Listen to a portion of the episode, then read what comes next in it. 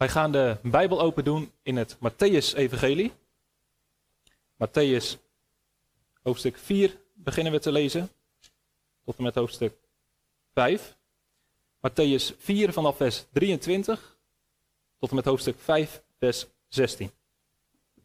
Het evangelie van Matthäus, hoofdstuk 4, vanaf vers 23 tot en met hoofdstuk 5, vers 16. En Jezus trok rond in heel Galilea. Hij gaf onderwijs in een synagoge. Hij predikte het evangelie van het koninkrijk. En hij genas elke ziekte en elke kwaal onder het volk. En het gerucht over hem verspreidde zich over heel Syrië. Ze brachten bij hem allen die er slecht aan toe waren, en door allerlei ziekten en pijnen bevangen waren, en die door demonen bezeten waren, en maanzieken en verlamden, en hij genas hen. En grote menigten volgden hem, uit Galilea en Decapolis, uit Jeruzalem en Judea en van over de Jordaan. Toen Jezus de menigte zag, ging hij de berg op. En nadat hij was gaan zitten, kwamen zijn discipelen bij hem. En hij opende zijn mond en onderwees hen. Hij zei: Zalig zijn de armen van geest, want van hen is het koninkrijk van de hemelen. Zalig zijn die treuren, want zij zullen vertroost worden. Zalig zijn de zachtmoedigen, want zij zullen de aarde beërven. Zalig zijn die hongeren en dorsten naar de gerechtigheid, want zij zullen verzadigd worden. Zalig zijn de barmhartigen, want hen zal barmhartigheid bewezen worden. Zalig zijn de reinen van hart, want zij zullen God zien. Zalig zijn de vredestichters, want zij zullen Gods kinderen genoemd worden. Zalig zijn zij die vervolgd worden om de gerechtigheid, want van hen is het koninkrijk der hemelen. Zalig bent u, als men u smaadt en vervolgt, en door te liegen allerlei kwaad tegen u spreekt, omwille van mij. Verblijd en verheugt u, want uw loon is groot in de hemelen. Want zo hebben ze de profeten vervolgd, die er voor u geweest zijn. U bent het zout van de aarde. Maar als het zout zijn smaak verloren heeft, waarmee zal het gezouten worden? Het deugt nergens meer voor dan om weggeworpen en door de mensen vertrapt te worden. U bent het licht van de wereld. Een stad die bovenop een berg ligt, kan niet verborgen zijn. En ook steekt men geen lamp aan en zet die onder de korenmaat, maar op de standaard. En hij schijnt voor allen die in het huis zijn. Laat uw licht zo schijnen voor de mensen, dat zij uw goede werken zien en uw Vader, die in de hemelen is, verheerlijken. Tot zover onze schriftlezing. Tot mijn grote schrik ging de dominee vorige week zondagavond preken over de bergreden, de zaligsprekingen. Dat is jammer, want kan ik het dan nog doen? Nou, ik heb erover nagedacht. Ik wil heel graag uh, een paar weken, een paar preken de bergreden doornemen. En, uh, nou goed, herhaling kan niet kwaad. En ik denk ook dat het nuttig is. En ik wil zelf ook graag met mijn voorbereiding mee bezig zijn. Dus ik denk, we gaan het gewoon. Uh, volgende week wil ik een paar zaligsprekingen doen. Vanmorgen gaan we kijken naar de eerste twee versen van Matthäus 5. Waar Jezus de berg opklimt en nou, eigenlijk het begin is, de aanleiding van de bergreden. En ik wil in de preek duidelijk maken hoe wij de bergreden moeten lezen. Wat heeft dit ons te zeggen? En er zijn verschillende visies op. Maar de keus die we daarin maken is belangrijk voor hoe we de komende weken hierna gaan luisteren. En uh, ik hoop dat uh, we zo een fundament van morgen kunnen leggen, ook voor de komende weken. Het thema van morgen is burgers van een ander koninkrijk. Wij zijn burgers van een ander koninkrijk. En daar heeft de bergreden ons alles over te zeggen. Twee weken geleden was het uh, bevestiging Amstdragers. En toen hebben wij nagedacht over Matthäus 4, vers 23. Over de bediening van Jezus. En we hebben gezien dat de bediening van Jezus twee aspecten heeft, twee kanten. Ten eerste lezen we dat Jezus onderwijs gaf en het koninkrijk van het evangelie predikte. En ten tweede dat hij zieken genas. Jezus die kwam om mensen te verlossen naar geest, naar ziel en naar lichaam. Jezus had oog voor de geestelijke nood van mensen, maar ook voor de lichamelijke nood. En daarom kwam Jezus om te dienen met woorden en met daden. Nou, Matthäus heeft zijn evangelie vervolgens zo opgedeeld dat er heel tijd een blok woorden van Jezus zijn, dan weer een blok daden, dan weer een blok woorden, dan weer een blok daden. En die blokken die kun je heel goed uh, vinden in de Matthäus-evangelie. Want elke keer begint Jezus met spreken. En dan aan het eind van zo'n blok, dan eindigt Matthäus met een soortgelijke zin. En daar gaan we naar kijken. Als u eerst meebladert naar hoofdstuk 7 en daarvan vers 28. Dat is het einde van het eerste blok onderwijs. Het einde van de eerste redenvoering. Matthäus 7, vers 28. Dan staat er, toen Jezus deze woorden had geëindigd, gebeurde het. Nou, dan gaat het verder. Dan komen de, de daden. Als dan doorbladeren, dan krijg je in hoofdstuk 10 krijg je het tweede blok onderwijs. Dan roept hij zijn twaalf discipelen bij hen en geeft hij hem instructies. En dan in hoofdstuk 11, het eerste vers, dan wordt dat blok weer afgesloten. En het gebeurde toen Jezus geëindigd had zijn twaalf discipelen opdrachten te geven. Dat, en dan gaat het verhaal weer verder. Dan gaan we naar het derde blok, dat staat in hoofdstuk 13. In Matthäus 13, dat zijn de gelijkenissen die Jezus heeft uitgesproken. Dat is het derde blok van onderwijs. Dan gaat Jezus weer zitten en dan gaat hij gelijkenissen spreken. En dat blok dat eindigt in hoofdstuk 13, vers 53. Hoofdstuk 13, vers 53. En toen Jezus deze gelijkenissen geëindigd had, gebeurde het dat hij vandaar vertrok. Dan gaat het weer over op zijn daden. Nou, dan hebben we nog twee blokken. Hoofdstuk 19. Hoofdstuk 19, vers 1. Daar eindigt het vierde blok. Heeft hij hoofdstuk 18 heeft hij weer onderwijs gegeven. En dan hoofdstuk 19, vers 1. En het gebeurde toen Jezus deze woorden geëindigd had, dat hij uit Galilea vertrok. Nou, dan nog één blok. Het laatste, dat vinden we in hoofdstuk 25. Hoofdstuk 24 en 25. En dat loopt door tot en met hoofdstuk 26, vers 1. Matthäus 26, vers 1. Daar staat, en toen Jezus al deze woorden geëindigd had, gebeurde het. Nou, dus je ziet heel duidelijk dat Matthäus heeft aangegeven uh, waar de woorden van Jezus beginnen en weer eindigen. Vijf blokken van onderwijs, die allemaal eindigen met de zin, en toen Jezus geëindigd had, en dan komen weer de daden. Nou, het eerste blok is dus Matthäus 5 tot en met hoofdstuk 7. Dit is misschien wel het beroemdste stuk onderwijs van Jezus. De bekendste woorden die Jezus heeft gesproken. Het is bekend geworden als de bergreden. De preek die Jezus heeft gehouden vanaf de berg. Nou, Matthäus 5 vers 1 die begint met de aanleiding. En er staat toen Jezus de menigte zag. Die menigte die zijn we tegengekomen in de versen daarvoor. In hoofdstuk 4 hebben we gelezen dat Jezus enorm veel mensen aantrok. En dat is niet gek, want Jezus die deed wonderen. Mensen die met een nood zaten, met een ziekte of met een kwal die geen dokter kon genezen, waar geen medicijn tegen te vinden was, Jezus hielp deze mensen.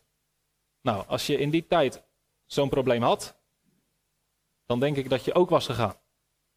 En er staat dat mensen vanuit Syrië komen, vanuit Jordanië, vanuit Galilea, vanuit Judea, echt vanuit een wijde omstrek, tienduizenden mensen stromen toe naar Jezus. Allemaal met hun eigen probleem.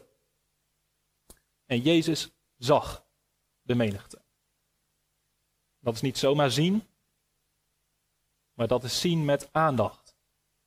Met focus. Jezus die ziet ze. Daar zit heel veel in. Jezus die, die ziet ze met, staat er in een andere tekst, als hij de menigte ziet, werd hij met innerlijke ontferming bewogen.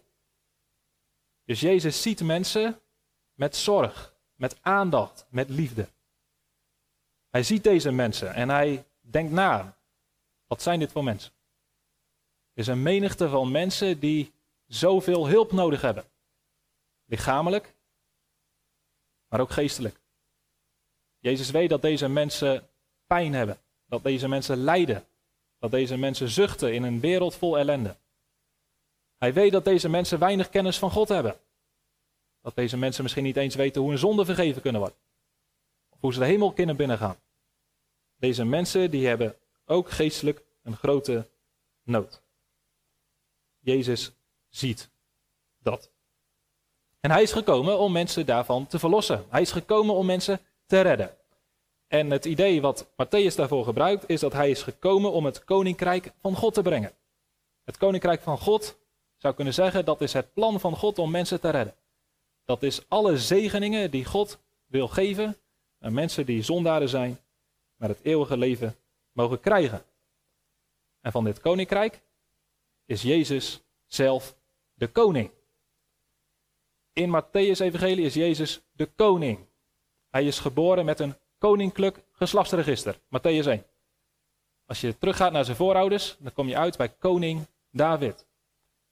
Jezus heeft koninklijke eer gekregen. De wijzen uit het oosten kwamen om de koning van de Joden te aanbidden. Deze koning had een wegbereider, Matthäus 3. Johannes de Doper ging voor hem uit en die maakte de weg gereed. Hij maakte het volk klaar om deze koning te ontvangen. Matthäus 4 hebben we gezien dat deze koning, de overste van deze wereld, duivel aanvalt. De verzoeking in de woestijn. En Jezus als de koning overwint.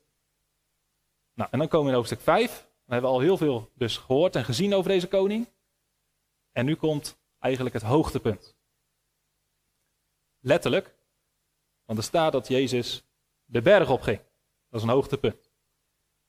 En uh, deze berg wordt hier de berg genoemd. Nou, in de tijd van Jezus was het nog een van de vele bergen. Waarschijnlijk aan het noorden van het meer van Galilea. Uh, daar is een gebied met heuvels, bergen. En een van die bergen heeft Jezus gekozen om daar deze woorden uit te spreken. Als je nu naar Israël gaat, en uh, sommigen van jullie zijn er misschien ook wel geweest, dan kun je naar een plek die wordt aangewezen, dit is de berg van de zaligspreking. Dit is waarschijnlijk de plek, of in ieder geval de omgeving, waar Jezus deze woorden heeft uitgesproken. Nou, een berg, dat zou je kunnen zeggen, dat is praktisch. Want Jezus was dus hoger. Ik sta hier op een preekstoel, ben ik hoger. Jezus kon op die manier al die mensen bereiken. Die tienduizenden mensen die om hem heen stonden. Hij stond hoger in het landschap. Dus hij kon zo al die mensen benaderen. Dus dat zou een praktische reden zijn.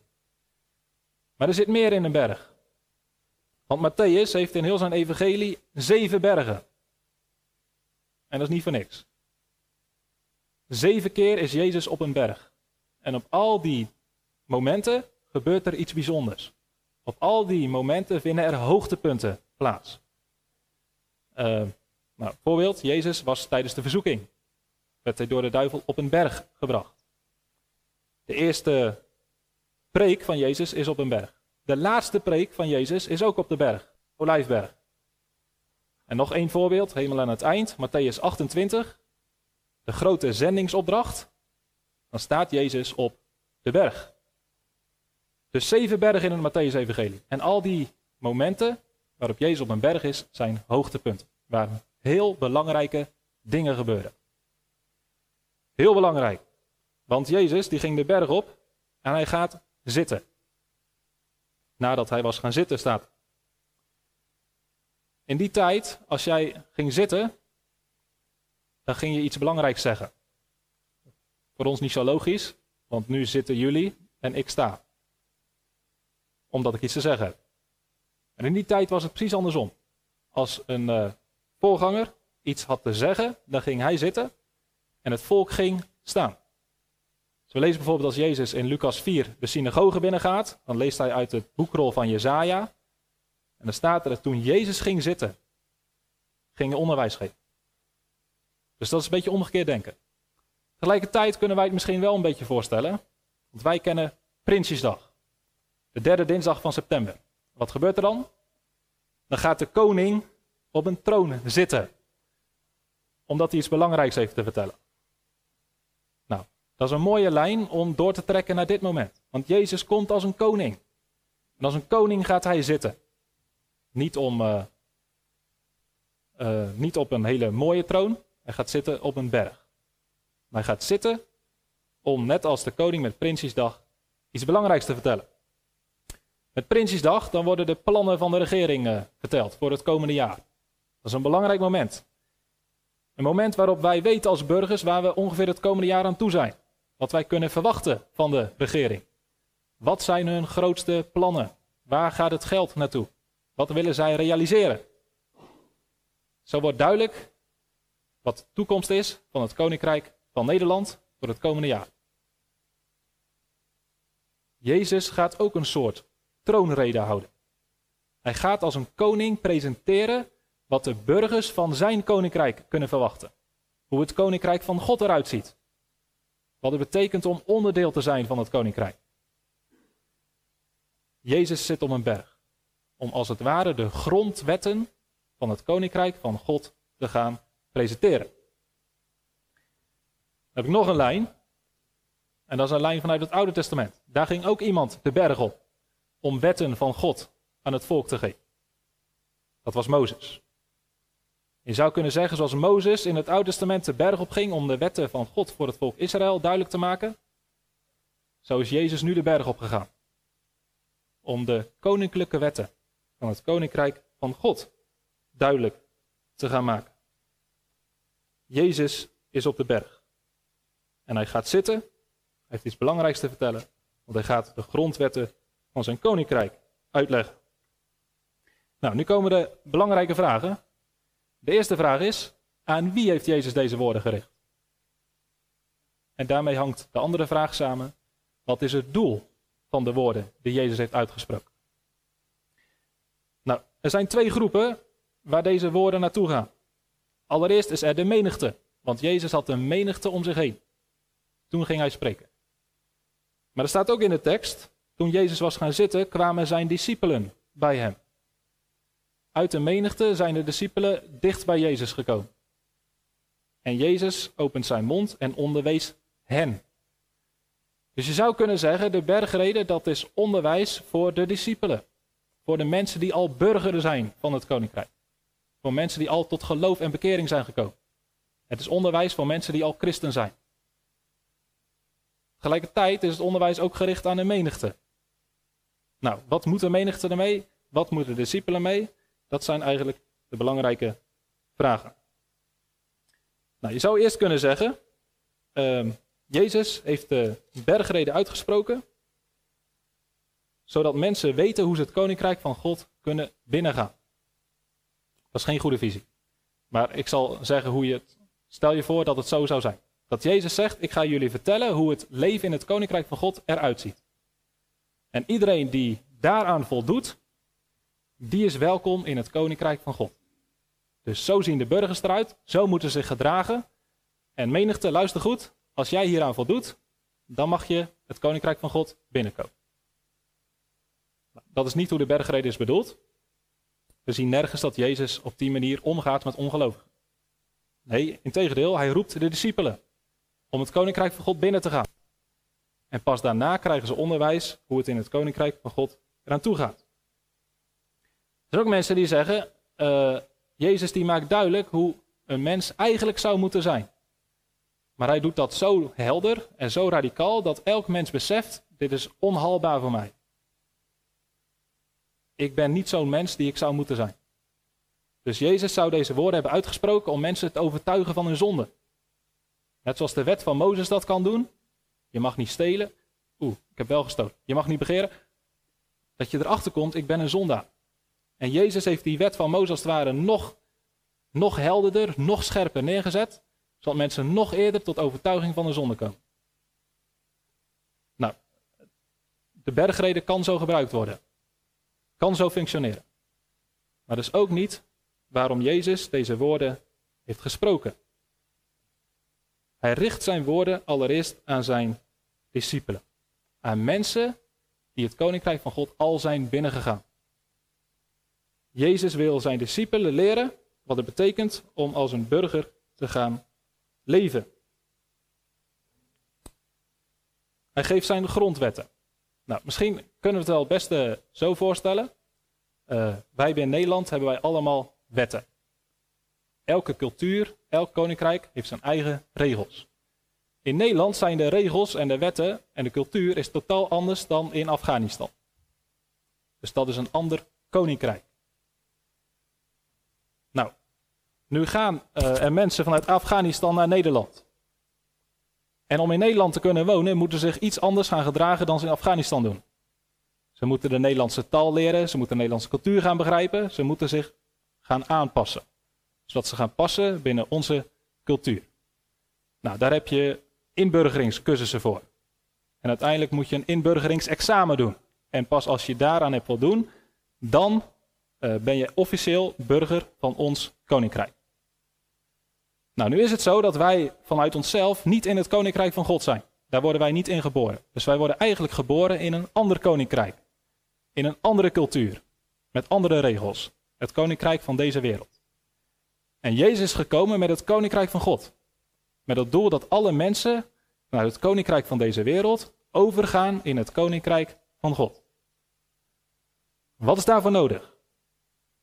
Nou, moet je eerst heel die cultuur van het koninkrijk van God begrijpen, dan een soort examen doen, wat dan de bergrede is. En als je die hebt gehaald, welkom, dan ben je officieel een christen. Dan mag je beleidenis doen. Of werkt het anders? Namelijk dat Jezus zegt, wie je ook bent, uit welke cultuur je ook komt, kom tot bekering en geloof in mij. En als je in mij gelooft, dan krijg je gelijk het burgerschap van het koninkrijk van God. Dan ben je een christen. Alleen dan heb je een beetje een probleem. Want als jij uit een andere cultuur komt en je komt in één keer in het koninkrijk, hoe moet je je dan gedragen? Er zijn mensen die eh, uit een ander land komen in Nederland wonen en als je ze spreekt, dan heb je gelijk door, dit is geen Nederlander. Een beetje accentje. Maar deze mensen zijn naar Nederland gekomen en die mogen vervolgens leren wat Nederlands is en hoe zich als een Nederlander kunnen gaan gedragen. Nou, zo zegt Jezus, als je je bekeert en gelooft in mij, dan word jij een burger van het koninkrijk.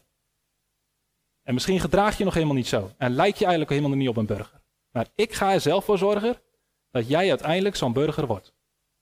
Ik zal er zelf voor zorgen dat je mijn wetten gaat begrijpen en gaat naleven. Ik zal ervoor zorgen dat je werkelijk een burger bent en zo handelt als, een, als iemand die past bij het koninkrijk van God. En zo moeten we de bergreden lezen. Dus het is gegeven aan mensen die tot bekering en geloof zijn gekomen. Die discipelen van Jezus zijn geworden, leerlingen. En die krijgen vervolgens onderwijs. En zegt Jezus, door dit onderwijs en door mijn Heilige Geest, ik ervoor zorgen allereerst dat je steeds meer gaat lijken op een burger van het koninkrijk. En vervolgens dat je ook gaat gedragen als een burger van het koninkrijk.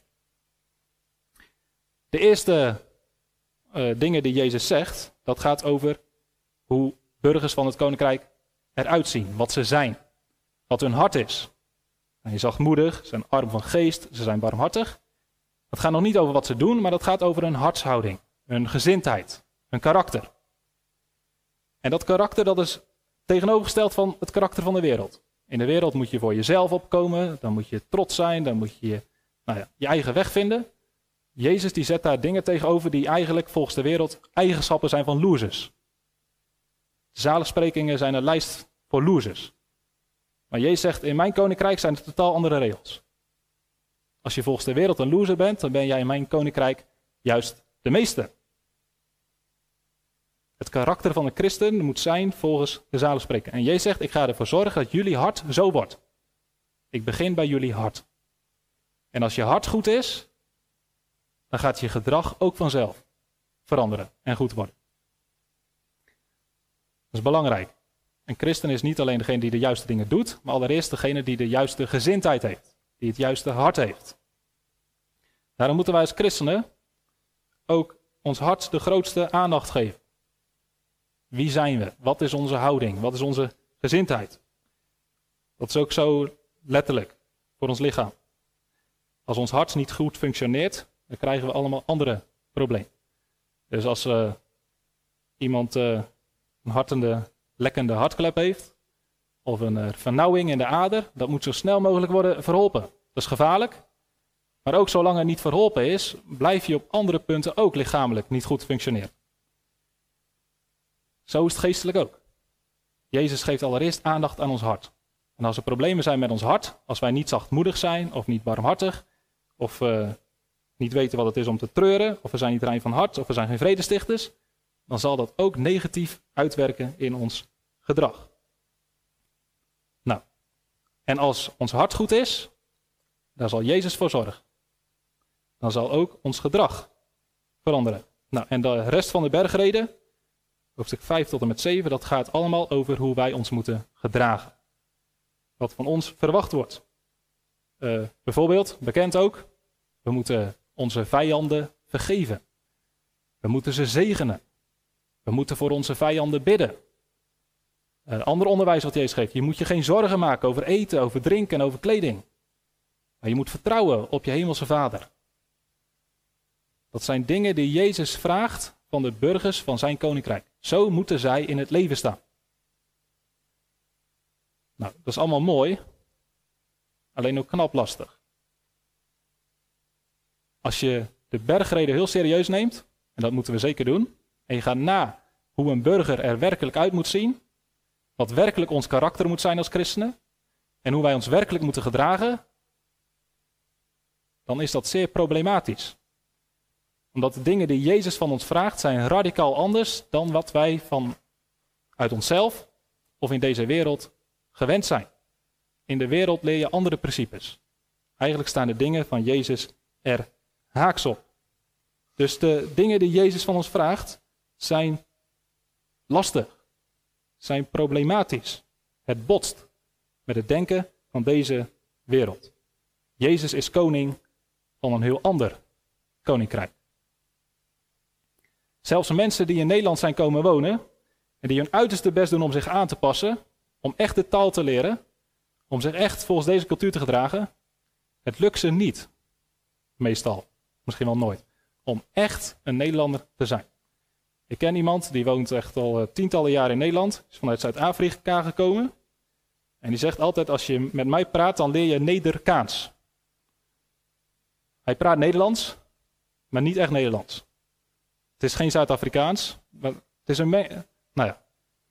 Dus als wij als mensen komen uit de wereld en wij komen tot geloof in de Heer Jezus, dan moeten wij gaan leren om als een burger van het koninkrijk te gaan leven. Alleen wij blijven mensen met een andere achtergrond. Wij zullen nooit waarschijnlijk helemaal worden wat Jezus van ons vraagt. Integendeel, we vinden dit verdraaid moeilijk. Het gaat soms dwars tegen ons eigen gevoel in, tegen ons eigen logica. Jezus is koning van een ander koninkrijk.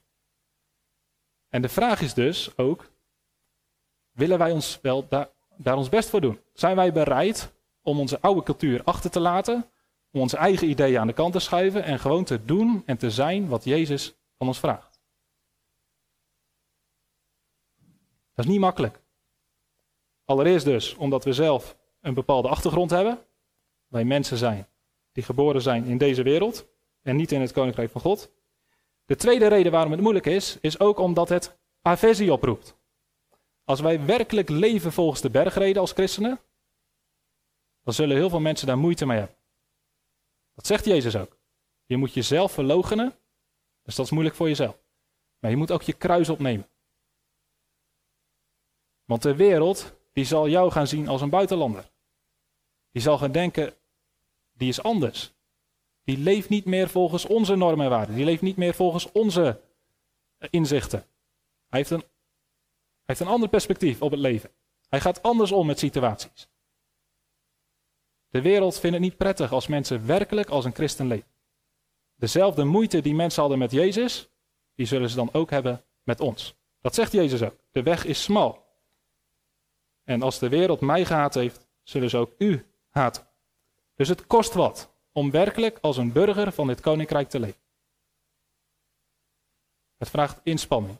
Het vraagt zelfverloochening. Het vraagt bereidheid om ook te lijden. Nou, wie, wie, wil nou burger zijn van dit koninkrijk? En als we burgers van het koninkrijk zijn, hoe houden wij de motivatie om werkelijk ook steeds meer op die burgers te gaan lijken en als burgers te gaan leven? Wat is onze motivatie? Wat is onze kracht? Nou, ik denk het antwoord is Jezus. Uiteindelijk willen wij burgers zijn van dit koninkrijk. Uiteindelijk willen wij zijn wat Jezus van ons vraagt in de bergreden. Willen wij doen wat Jezus van ons vraagt in de bergreden. Omdat Hij de koning is van dit koninkrijk. Jezus is de koning. Nou, dat betekent allereerst, Hij is de rechtmatige koning. Een koning moet je gehoorzamen. En de enige andere koning in deze wereld is de duivel. Die heeft helemaal geen recht op ons. De duivel heeft helemaal geen recht op onze gehoorzaamheid. Wij volgen hem wel. En dat is onze zonde. Dat is onze rebellie tegen God. Maar de werkelijke, rechtmatige koning van deze wereld is God. En is Jezus. Hij is het waard. Hij is de enige die het waard is. Dat wij hem gehoorzamen. Uiteindelijk zal het ook gebeuren. Alle knieën zullen voor Jezus buigen. Maar het is beter als wij dit nu al doen. Jezus is de beste koning die je maar kunt wensen. Als je naar een ander koninkrijk wil, dan wil je naar een koninkrijk waarvan je een goede koning hebt. Jezus is de beste koning die je maar kan wensen. Er is geen koninkrijk die zo'n goede koning heeft als het koninkrijk van God. In de wereld is de duivel de koning. Dat is een leugenaar. Hij is een moordenaar. Hij sleept mensen mee naar het verderf. De duivel die heeft niks goeds met je voor. Maar Jezus is een geweldige goede koning. Hij is met innerlijke ontferming bewogen over jou, over u. Jezus bekommert zich werkelijk over wie u bent en hoe het met u gaat. Hij is rechtvaardig. Hij is liefdevol. Hij is barmhartig. Hij is een wijze en een goede koning. Er is geen koning die zoveel liefde heeft voor al zijn burgers. Wie wil er niet zo'n koning dienen? Wie wil er niet een koning die werkelijk met innerlijke ontferming is bewogen over je lichamelijke en over je geestelijke nood? Wie wil er niet een koning die je kan redden van alle ellende? Wie wil er niet een koning die je een eeuwige heerlijke toekomst kan geven? Wie wil er niet een koning dienen die bereid was zijn eigen leven voor je te geven? Jezus is een koning die zich heeft opgeofferd, die is gestorven aan het kruis om zijn burgers het alles te geven, het eeuwige leven te geven. Jezus is het waard dat wij werkelijk als burgers van het koninkrijk willen leven.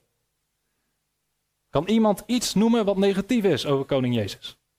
Is er één reden waarom je zegt, nou deze koning hoef ik niet. Dit is een koning die niet goed is. Dit is een koning die ik niet wil dienen. Dit is een koning, van dat koninkrijk wil ik me verder houden. Is er iets negatiefs aan koning Jezus? Ik denk dat het antwoord nee is. Alles aan Jezus is goed. Alles wat hij heeft gedaan. Alles wat hij van ons vraagt. Hij is een liefdevolle, een wijze, een rechtvaardige en goede koning om te dienen. Dat blijkt uit, ook uit zijn onderwijs. We gaan de bergreden doornemen en dan gaan we ontdekken dat alles wat Jezus vraagt werkelijk goed is. Als iedereen werkelijk gaat doen wat er in de bergreden staat. Als iedereen werkelijk zou zijn wat Jezus zegt hoe die burgers zouden moeten zijn. Dat zou een gigantische zegen zijn. Voor onszelf, maar ook voor deze wereld. Als mensen werkelijk hun vijanden gaan vergeven. Als mensen werkelijk bidden voor degene waar ze ruzie mee hebben. Als mensen werkelijk bereid zijn om altijd te vergeven. Dan zou de wereld er anders uitzien, toch? Als mensen niet zouden liegen, maar een ja ja zou zijn en een nee nee. Als mannen niet met lust naar andere vrouwen zouden kijken, maar trouw zouden zijn aan hun eigen man of vrouw. Als mensen niet de wapens zouden pakken, maar elkaar zouden zegenen. Als mensen niet uh, zichzelf proberen rijk te maken en omhoog te werken ten koste van de ander.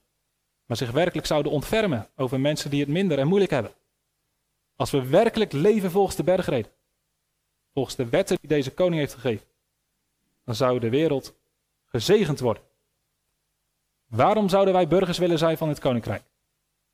De beste koning. Met de beste wet.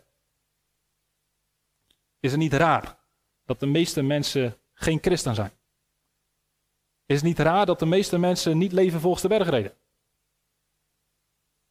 Beetje vreemd toch? Als het een goede koning is, de beste koning die je maar kunt wensen. En alles wat hij heeft gezegd, al zijn grondwetten, zijn goed, zijn rechtvaardig, zijn een zegen. Waarom zouden alle mensen dan niet voor deze koning buigen en als burgers van het koninkrijk gaan leven? Misschien is het wel omdat heel veel mensen niet weten wie Jezus is of wat zijn onderwijs is. Dat heel veel mensen dit koninkrijk van God nooit hebben gezien, er nooit over hebben gehoord. Jezus heeft dit onderwijs gegeven aan zijn discipelen, maar de menigte was erbij. Dat betekent dat de menigte heeft gehoord. Alles wat Jezus heeft gezegd. Zo konden ook zij discipelen worden. Dat is onze eerste opdracht. Dat wij als mensen niet alleen zelf horen wat Jezus zegt in de bergreden, maar dat we dat tegen anderen zeggen. Luister wat mijn koning heeft gezegd. Als je burger bent van dit koninkrijk. Dit is het leven, zo ziet het eruit. Zo kunnen mensen ook naar Jezus komen. We moeten het horen en verkondigen. We moeten het ook uitleven.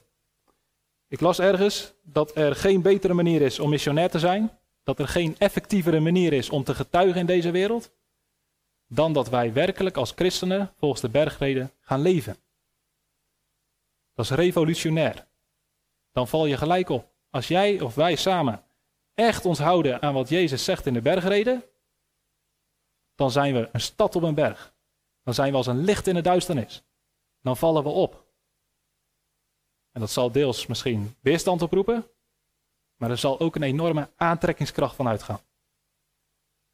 Als mensen zien wat de zegen is van het koninkrijk van God. Nog één reden, dan sluit ik af. Jezus zegt: de wereld gaat voorbij met al haar begeert. Als je de wil van God doet, dan blijf je tot in eeuwigheid. Dit koninkrijk van God, dat zal nooit meer verdwijnen. Dat zal nooit meer veroverd worden. Dat zal nooit verliezen. Dit koninkrijk van God zal voor eeuwig blijven bestaan. En iedereen die in dit koninkrijk is en die wil leven als een burger van dit koninkrijk, heeft ook eeuwige toekomst. Anders is het met deze wereld. Anders is het met het koninkrijk van de duivel. Anders is het met de mensen die daar burger van blijven.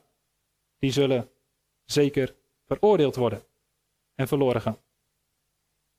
Dus laten wij dit onderwijs van Jezus de komende weken met aandacht en ontzag beluisteren, maar ook met een liefde en met een verlangen. Om te begrijpen wat Hij van ons vraagt als christenen. En ook met verlangen dat Hij ervoor zorgt, door zijn geest, dat wij er steeds meer op gaan lijken en er steeds meer naar gaan gedragen. Zalig zijn wij als wij deze woorden van Jezus horen en ook doen. Amen.